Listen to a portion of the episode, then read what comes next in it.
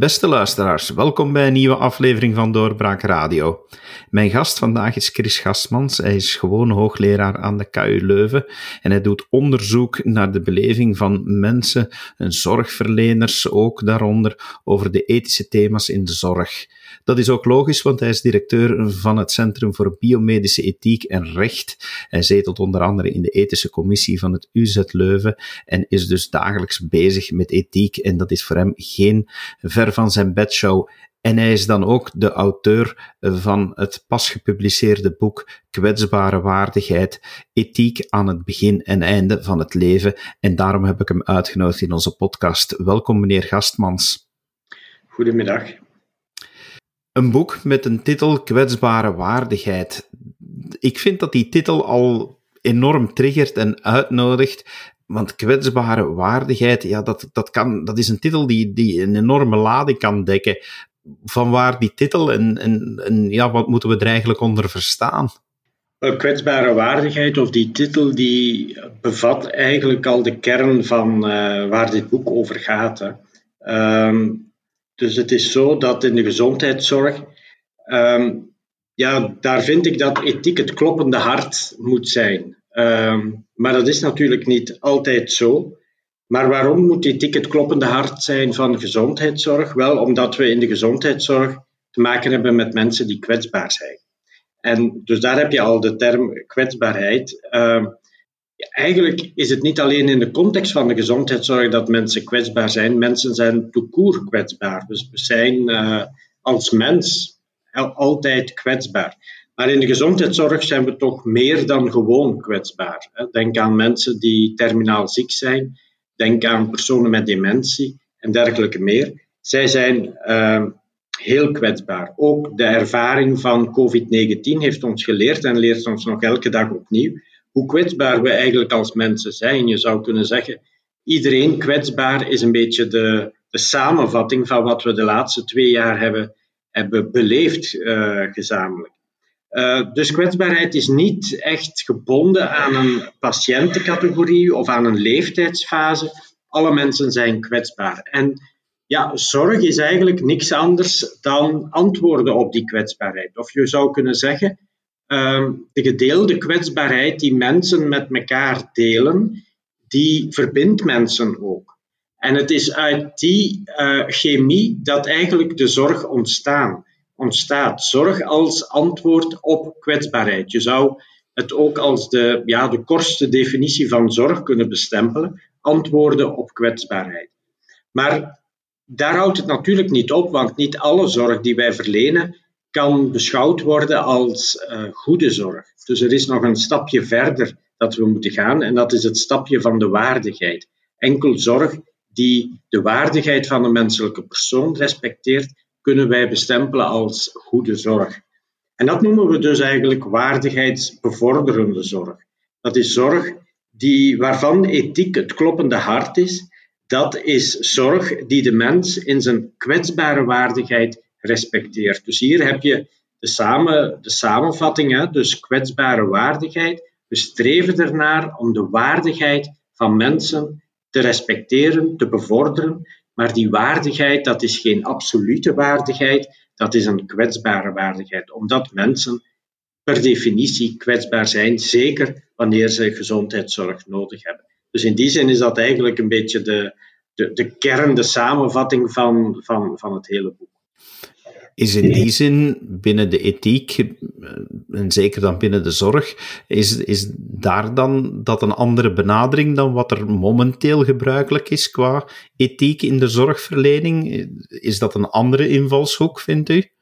Dat is zeker een andere invalshoek, of dat is uh, zeker een invalshoek die niet door iedereen gedeeld wordt, ik zal het zo zeggen. Uh, er is in de gezondheidszorg of in de ethiek van de gezondheidszorg een dominante stroming waar eigenlijk ook de gezondheidszorgethiek of de medische ethiek, om het eenvoudig te zeggen, uh, mee gestart is. En dat is de zogenaamde principebenadering.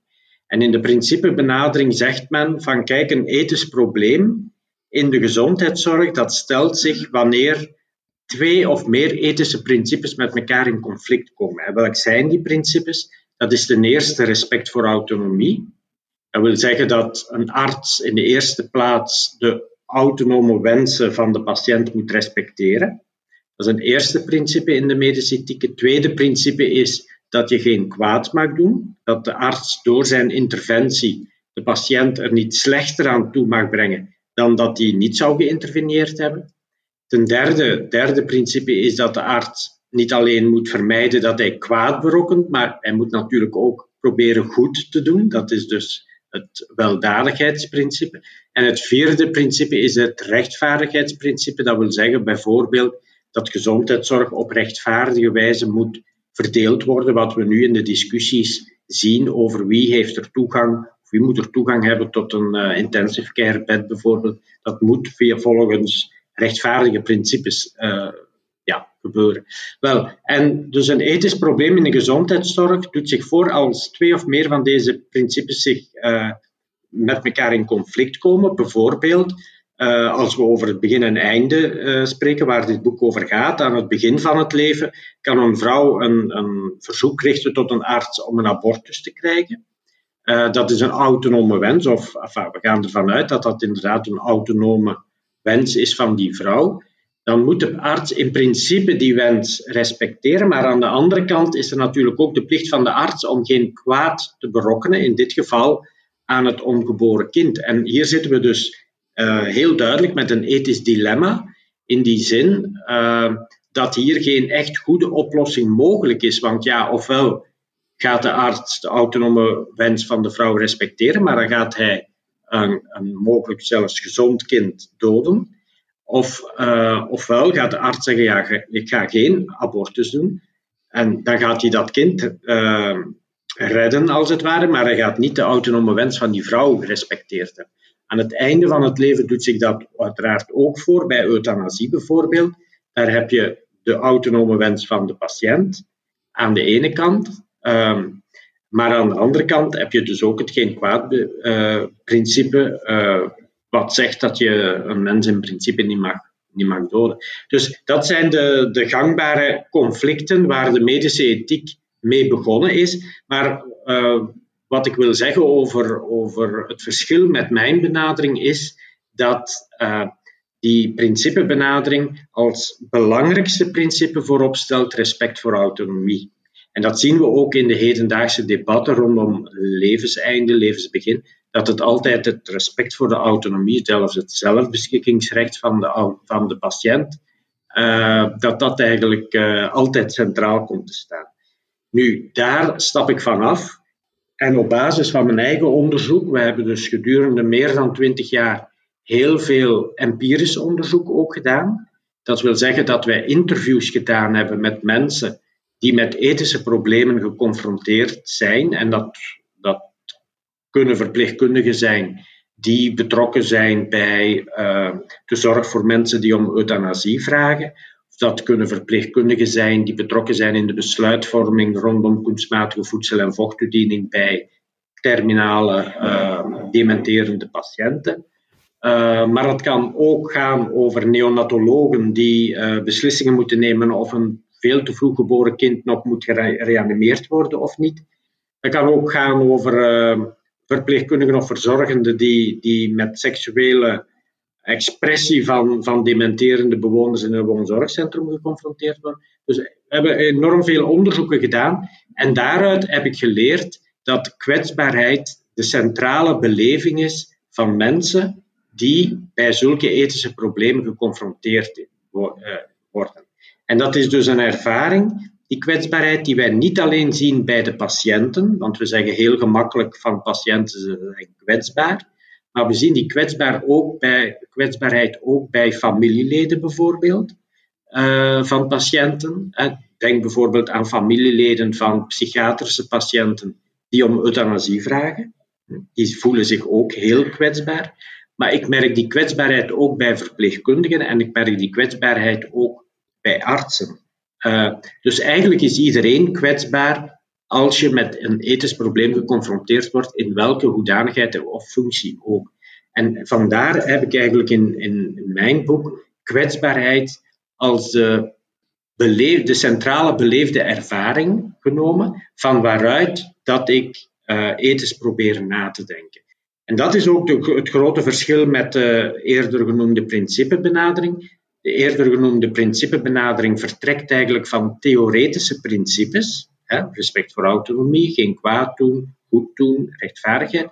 En plakt die eigenlijk, of ja, past die eigenlijk toe op concrete casuïstiek. Dat is eigenlijk een, een soort van ja, deductieve benadering. Terwijl ik vind dat je niet vanuit die theoretische principes moet beginnen, maar dat je eigenlijk moet beginnen bij wat mensen ervaren. De beleefde ervaringen noemen we dat. Um, en dus die centraal dan die ervaring van kwetsbaarheid. En dat is dus volgens mij de eerste stap in de ethische reflectie. Hoe worden ethische problemen beleefd in real practice, in het echte leven? Zoals u al zei, in de huidige benadering wordt er heel veel gewerkt vanuit die autonomie. Men redeneert tegenwoordig alsof iedereen echt gewoon volledig zelfstandig kan beslissen over zijn of haar levenseinde. Als je dan vertrekt vanuit die kwetsbaarheid, kom je dan, je hebt dan een andere benadering, zoals, zoals ook heel duidelijk in uw, in boek geschreven staat. Maar ga je dan bepaalde andere conclusies ook gaan trekken omtrent uh, ja, thema's zoals abortus en euthanasie uh, over dat levenseinde? Van, kom je dan tot andere antwoorden dan dat er momenteel gegeven worden? Ik denk dat je op bepaalde vlakken tot andere antwoorden komt. Uh, wat niet wil zeggen dat het totaal andere antwoorden zijn, maar laat ons hopen dat ze wat genuanceerder zijn. Um, wat je hebt als je vanuit principes denkt, als, en voornamelijk vanuit één principe denkt, hè, bijvoorbeeld uh, autonomie of respect voor autonomie of zelfbeschikkingsrecht, dan heb je het gevaar dat je nogal een, ja, moet ik zeggen, een zwart-wit uh, beeld krijgt. En dat, uh, ja, dat, dat dus bijvoorbeeld euthanasie uitvoeren en abortus uitvoeren, dat dat dan als het het 100% goede antwoord wordt beschouwd en alle andere manieren om daarmee om te gaan worden dan al in een negatief daglicht uh, gesteld. Dit is een beetje een simplifiering of een, um, ja, een simplifiering eigenlijk van, van een complexe ethische problematiek. Wat ik geleerd heb doorheen de jaren is dat ethische problemen echt wel complex zijn, moeilijk zijn. En wat ik met dit boek uh, wil aantonen is dat op moeilijke problemen geen gemakkelijke antwoorden mogelijk zijn. Uh, dat is misschien geen prettige boodschap, maar het is wel een eerlijke boodschap. En uh, vandaar vind ik dat door de benadering die ik toepas, dat je een meer waarheidsgetrouw beeld krijgt, maar misschien is dat ook wel een troebeler beeld. Met andere woorden, um, het gaat niet zo eenvoudig zijn misschien om, om te zeggen wat nu echt heel goed is of wat je in een bepaalde situatie moet doen. Maar ja, zo is het leven eigenlijk. Uh, de keuzes die in dergelijke moeilijke situaties moeten genomen worden, zijn ook moeilijke keuzes. En we moeten die niet simplifiëren, we moeten die niet uh, vereenvoudigen op een manier die een, die een beetje uh, ja, die, die, die onverantwoord is. Vandaar dat ik naar uh, ethische problemen kijk vanuit drie perspectieven eigenlijk, hè, die, die ik altijd uh, probeer te, te verhelderen. Dat het, het, eerste perspectief is het perspectief van ja, de medische zorg eigenlijk. Hè. Dus ik ga altijd eerst wanneer ik een, een thema behandel kijken van ja, hoe zit dat eigenlijk in elkaar? Wat is hier eigenlijk het probleem? Wat weten we daarvan vanuit de geneeskunde? Wat weten we daarvan vanuit de zorgwetenschappen en dergelijke meer? Dus we proberen eigenlijk een zo goed mogelijk zicht te krijgen op het probleem dat zich stelt. En dan in een tweede uh, beweging gaan we kijken naar ja, hoe wordt die, dat ethisch probleem, hoe, hoe wordt dat beleefd in de praktijk? Dat is dus die beleefde ervaring waar ik het daarnet over gehad heb, hè, die ervaringskennis. Want ethiek, uh, ethiek is voor, mag voor mij nooit een anonieme ethiek zijn. Uh, ik vind een ethiek die enkel uitgaat van theoretische principes redelijk anoniem. Maar je moet weten dat achter elk ethisch probleem concrete mensen zitten. Ethische problemen stellen zich niet in boeken of in het luchtledigen of in bibliotheken. Ethische problemen stellen zich waar mensen met elkaar samenleven. En dus door het onderzoeken en het beschrijven van de beleefde ervaringen van mensen die met ethische problemen geconfronteerd worden, maak ik de ethiek minder anoniem. Want je, je krijgt beleefde ervaringen van, van concrete mensen. Dus dat is eigenlijk de, de, het tweede perspectief om naar een ethisch probleem te kijken. En dan een derde perspectief is uiteraard de ethische principes. Want ja, goed, we zijn wel bezig met, uh, met ethiek. Dus uh, die ethische principes hebben wel degelijk een, uh, een waarde. En het is maar door die drie, vanuit die drie perspectieven naar een ethisch probleem te kijken, dat ik daar een, ja, een goed zicht op krijg en dat ik niet zozeer een pasklaar antwoord kan geven, maar dat ik wel duidelijke wegwijzers kan aanduiden. Uh, voor mensen uh, waar ze zich kunnen uh, door laten inspireren om de juiste beslissing te nemen. Uh, op deze manier ontwikkelt de ethiek zich ook meer als een begeleiding bij mensen of een ondersteuning van mensen die ethische problemen uh, ontmoeten. Het zij als hulpverlener, het zij zelf als burger of als patiënt, of het zij als uh, familielid. Uh, dus het, het, is eigenlijk uh, ondersteuning bieden aan mensen die met die ethische problemen geconfronteerd worden, uh, opdat zij een goed, uh, ja, een goed geïnformeerd gewetensoordeel zouden kunnen vellen. Ik vind ook dat uw boek tot nadenken aanzet. En dan probeer ik het in mijn, in mijn eigen woorden te, te zetten. Bijvoorbeeld inderdaad over het levenseinde deed het mij nadenken. Mensen die aangeven dat ze, dat ze levensmoe zijn of hun leven voltooid is.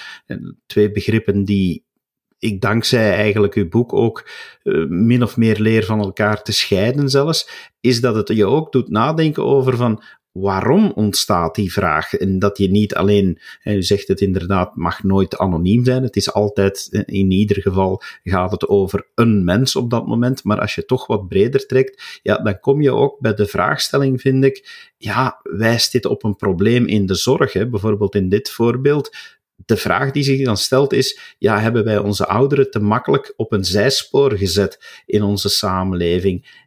En ik heb de indruk dat, dat u vanuit uw ethische benadering die vragen toch ook wel terug een plaats wil geven in het debat. Zeker en vast. Hè. Als je het hebt over uh, het probleem van de levensmoeheid, dan is het heel duidelijk dat levensmoeheid niet moet gezien worden als een ziekte die uit het, de persoon zelf uh, groeit. Levensmoeheid uh, is ten eerste al geen ziekte, maar het, het, uh, het is een geheel van gevoelens die bij uh, voornamelijk heel oude mensen of oudere mensen in onze samenleving naar voren komt, maar dat altijd in zijn maatschappelijke context moet bekeken worden. Hè. Dus uh, levensmoeheid is eigenlijk, ehm, zou kunnen zeggen, de ervaring die oudere mensen hebben in onze maatschappij om verbinding te verliezen uh, verbinding met zichzelf, met hun eigen lichaam. Ze, ze, gaan, ze gaan hun eigen zelfbeeld negatief percipiëren. Ze gaan hun eigen lichaam negatief percipiëren, ook omwille van allerlei ouderdomskwalen die, die de kop opsteken natuurlijk. Maar dus ze, ze hebben de verbinding met zichzelf verloren, maar ook de verbinding met hun directe omgeving, met hun kinderen, met hun met hun kleinkinderen ook vaak. Je hoort dan die mensen zeggen van, ik ben niet meer geïnteresseerd in wat mijn kleinkinderen doen of wat mijn, mijn kinderen doen. Ik kan het ook absoluut niet meer volgen, wat zij aan het doen zijn. Uh, maar ook de verbinding met de grotere wereld. Hè. Dat, dat manifesteert zich bijvoorbeeld als die mensen zeggen van, ah, ik kijk niet meer naar het journaal, want het interesseert me niet wat er in de wereld gebeurt. Dus dat is echt een, een verlieservaring. Een, een, ja, alles valt eigenlijk weg, waardoor dat zij een soort van fundamentele eenzaamheid gaan, gaan voelen. Um, en, en dus tot de, de vaststelling komen, ja, het zou eigenlijk beter zijn dat ik er niet meer was. Hè. Dus, en daaruit komt dan een, een groot verlangen naar, uh, naar de dood. Maar ja, dat, dat houdt ons een spiegel voor. Dat houdt ons als samenleving een spiegel voor Namelijk, in wat voor samenleving leven wij? Dat steeds meer mensen eh, vanaf een bepaalde leeftijd zich niet meer thuis voelen in die maatschappij. Uh, en tegelijkertijd is de afgeleide vraag natuurlijk, ja, wat voor zorg leveren wij dan? Dat, uh, ja, ondanks de vele zorgvoorzieningen die wij in ons land hebben, hè, we hebben geen tekort aan woonzorgcentra, denk ik, uh, ja, wat voor zorg verlenen wij dan? Dat ondanks die, die investering in zorg, mensen zich toch overbodig voelen en, en liever dood zijn dan, uh, dan leven. Dat, dat, is, uh, dat is een heel belangrijke vraag die niet op 1, 2, 3 is op te lossen, maar die eigenlijk een, een, een maatschappelijke reflectie uh, ja, nodig heeft. Uh, want dat, dat, dat, dat uh, raakt aan wat wij beschouwen aan een inclusieve samenleving. Hè? Dus uh, ik denk dat de, de, voorbije jaren grote stappen voorwaarts zijn gezet in onze samenleving in de richting van inclusie uh, van, van al dan niet marginale groepen. Uh, ik denk aan de inclusie van uh, mensen met een handicap, ehm, inclusie van mensen met ehm, andere seksuele geaardheden, inclusie van mensen die uit andere culturen en gebieden komen en dergelijke meer. Dus er is een heel grote uh, drang in onze samenleving om een inclusieve samenleving te zijn. Maar tegelijkertijd stel ik vast dat misschien het uh, domein waarin, waarin nog het minste inclusie is gerealiseerd, het domein van de ouderenzorg is. Want ik vraag me wel af of dat de echt oude ouderen, hè, ik heb het dan niet van de, over de 65-plussers tot de 75-jarigen, maar ik heb het echt over de 80-plussers en de 85-plussers, die er al maar meer gaan zijn in onze samenleving. Ik vraag me echt af hoe, hoe sterk wij deze mensen betrekken in onze samenleving op een manier dat ze zich, dat ze zich er ook thuis, echt thuis voelen. Uh, dus ik denk dat daar uh, ja, nog een heel, heel belangrijke uh, weg is, is af te leggen. Ik, ik denk dat we nog te veel denken in, in termen als ja, een wij-zij-maatschappij. wij, diegenen die, in, uh, die wilsbekwaam zijn, die gezond zijn, die in een menswaardige wereld leven.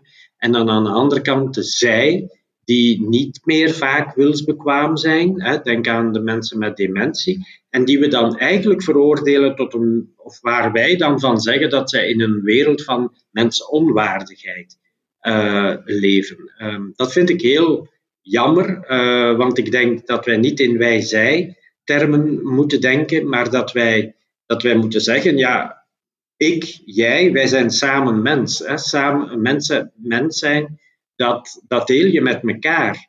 Um, en wij hebben ook een verantwoordelijkheid ten aanzien van die kwetsbare mensen, om ervoor te zorgen dat zij erbij horen en blijven, bij, blijven bijhoren en, en dat ook zo, zo.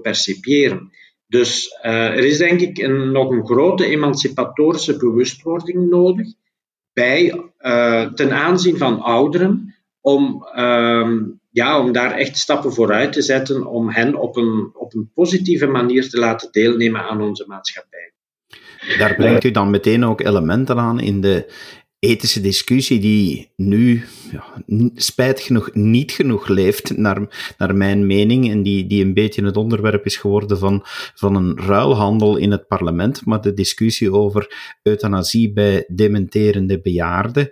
Vanuit uw benadering zou dat dan betekenen dat we daar ook op een andere manier moeten gaan over nadenken en een maatschappelijk debat moeten gaan vormen, eh, onder andere over die inclusie en, en, ja, en het niet gewoonweg inderdaad gaan beschouwen als zijnde van, jammer, er is ooit die vraag op papier gesteld, dus er is geen discussie meer mogelijk. Dat, u wilt dat toch breder opentrekken, heb ik wel het gevoel, hè?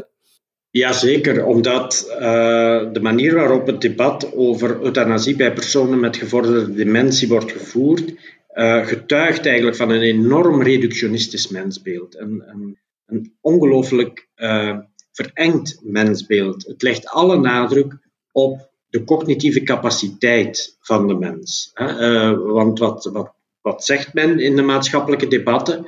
Wel, een, een mens als een individu die zichzelf moet ontplooien, en die op basis van zijn verstandelijke vermogens allerlei beslissingen omtrent zijn leven of haar leven uh, kan nemen.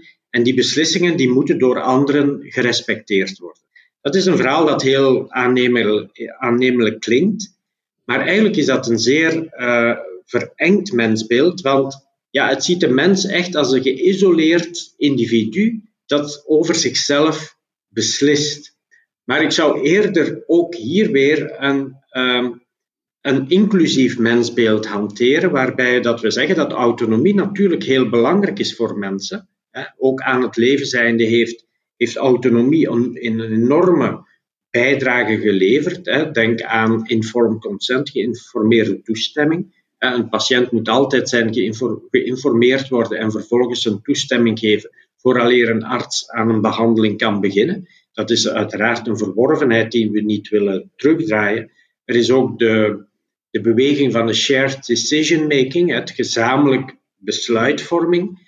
Uh, er is de belangrijke beweging van de vroegtijdige zorgplanning in de ouderenzorg, hè, zodanig dat vroegtijdig met ouderen en hun familie en de hulpverleners uh, nagedacht wordt over het levenseinde en dat op een, ja, een procesmatige manier zicht gekregen wordt hoe ouderen daarover denken, zodanig dat wanneer de ouder het zelf niet meer kan beslissen, dat we toch beslissingen kunnen nemen.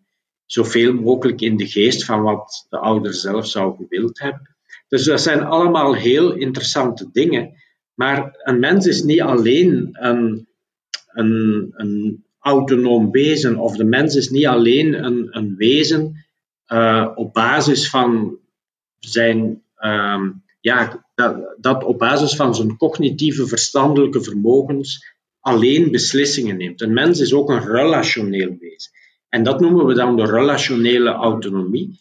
Dat wil zeggen dat uh, ja, de mens naast uh, het individu zijn ook een medemens is. En we hebben dus ook iets te zeggen over andere mensen, zoals andere mensen ook iets te zeggen hebben over ons leven. Dat is namelijk de verbondenheid tussen mensen die impliceert dat mensen ook verantwoordelijk zijn voor elkaar. Het, het is wat we daarnet ook zeiden over de problematiek van levensmoeheid. Het gaat niet alleen over de verantwoordelijkheid van mensen die levensmoe zijn. Het gaat ook over onze verantwoordelijkheid voor mensen die levensmoe zijn. Dus mensen zijn verbonden en die verbondenheid creëert verantwoordelijkheid. En dat is ook zo in de problematiek rondom, uh, rondom dementie. Um, vandaar vind ik dat, uh, dat we eigenlijk de, de beslissing om euthanasie uit te voeren in die context niet zomaar mogen alleen baseren op een papiertje dat uh, neergeschreven is, misschien twee, drie, vier jaar geleden. Dat representeert absoluut niet meer de wil van die persoon, want die persoon met dementie, ook al heeft hij zijn verstandelijke vermogens uh, verloren, die beleeft nog altijd zijn situatie of haar situatie op een bepaalde manier. En dat kan een beleving zijn die helemaal tegengesteld is tot uh, wat daar op dat papiertje uh, gezet is. Dat is trouwens ook de, de reden waarom in Nederland, waar euthanasie bij gevorderde dementie reeds twintig jaar mogelijk is, dat er heel, heel weinig casussen uh, van euthanasie bij personen met gevorderde dementie aanwezig zijn. Uh, we de, er is in Nederland daar zeer grondig onderzoek over gedaan. En wat is daar uit, uh, naar voren gekomen? Wel, dat artsen niet op basis van een papiertje van een paar jaar terug euthanasie willen uitvoeren. Zij willen eigenlijk met de patiënt tot het einde toe in dialoog treden, uh, zeker zijn dat de wens van de patiënt voortdurend geconfirmeerd wordt, bevestigd wordt. Maar dat gaat natuurlijk niet meer met een persoon die, die vergevorderd dementerend is. En dus zeggen artsen, hebben wij eigenlijk geen basis, hebben wij geen been om op te staan om eigenlijk uh, euthanasie uit te voeren. Omdat wij bij deze mensen niet zeker weten dat het dit is wat zij uh, wensen. En vandaar dat Nederlandse artsen zeer, zeer argwanend staan tegenover euthanasie bij dementerende personen. Uw visie, meneer Gastmans, die komt mij over als eigenlijk wel zeer christelijk, zeer, zeer ook om de persoon, om het mens zijn begaan. Uh, speelt dat ergens in de ethiek, of in de ethiek zoals u die beschrijft, speelt dat een rol? Dat speelt zeker een rol. En levensbeschouwing speelt in elke ethicus, uh, in, de, in de ideeën van elke ethicus, een, uh, een rol. En een ethicus die dat ontkent, die, die begrijpt nog niet heel goed hoe dat ethiek werkt. Want ethiek gaat over waarden en normen, over ethische principes, over wat we belangrijk vinden, iets dat we willen nastreven. Maar die waarden en normen die komen zomaar niet uit de lucht vallen. Die waarden en normen die zijn altijd gebaseerd op een, op een manier van kijken naar de mens, een mensbeeld. Uh, die, die waarden en normen die, die zijn gebaseerd op een manier van kijken naar de wereld, een wereldbeeld. Uh, en tenslotte ook naar een manier van kijken uh, naar, naar God. Hè? Ook als je zegt dat God niet bestaat, dat is ook een godsbeeld natuurlijk. Hè? Dus, uh, dus het zijn die drie dingen: het mensbeeld, het funderende mensbeeld, het funderende wereldbeeld en het funderende godsbeeld, die als het ware de basis vormen waaruit die waarden en normen uh, voortkomen. En die waarden en normen, dat zijn eigenlijk de, de instrumenten, de tools die de ethicus gebruikt om zijn visies vorm te geven. Dus elke ethische visie is per definitie nooit neutraal, is nooit levensbeschouwelijk neutraal, maar elke ethische visie is gefundeerd in een welbepaalde visie op mens, wereld en God. En dus dat is bij mij het geval, en vandaar dat ik uh, in het boek ook schrijf dat dat in mijn geval de christelijke levensvisie is. Niet omdat dat de enige is die, die belangrijk is of, of relevant is, absoluut niet, maar het is wel degene waarin ik opgegroeid ben en waarin ik leef.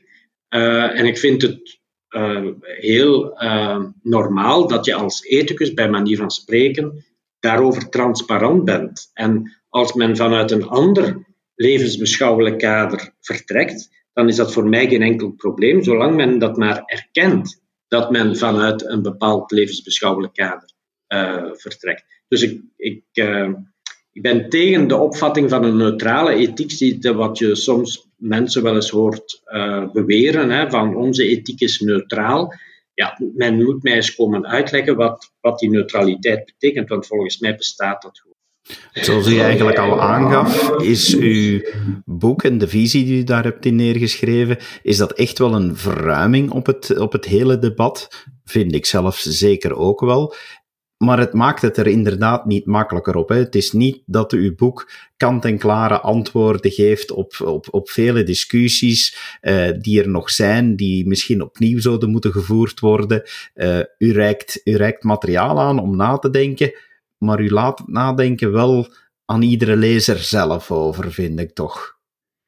Ja, maar daar ben ik heel blij om met die interpretatie, want dat betekent dat ik niet, uh, niet paternalistisch uh, in de plaats van de mensen uh, zeg wat, wat er moet beslist worden. Beslissingen moeten genomen worden door de mensen die ermee geconfronteerd worden. En de ethicus heeft daarin, een, zoals ik al eerder zei, een ondersteunende functie, een, een begeleidende functie.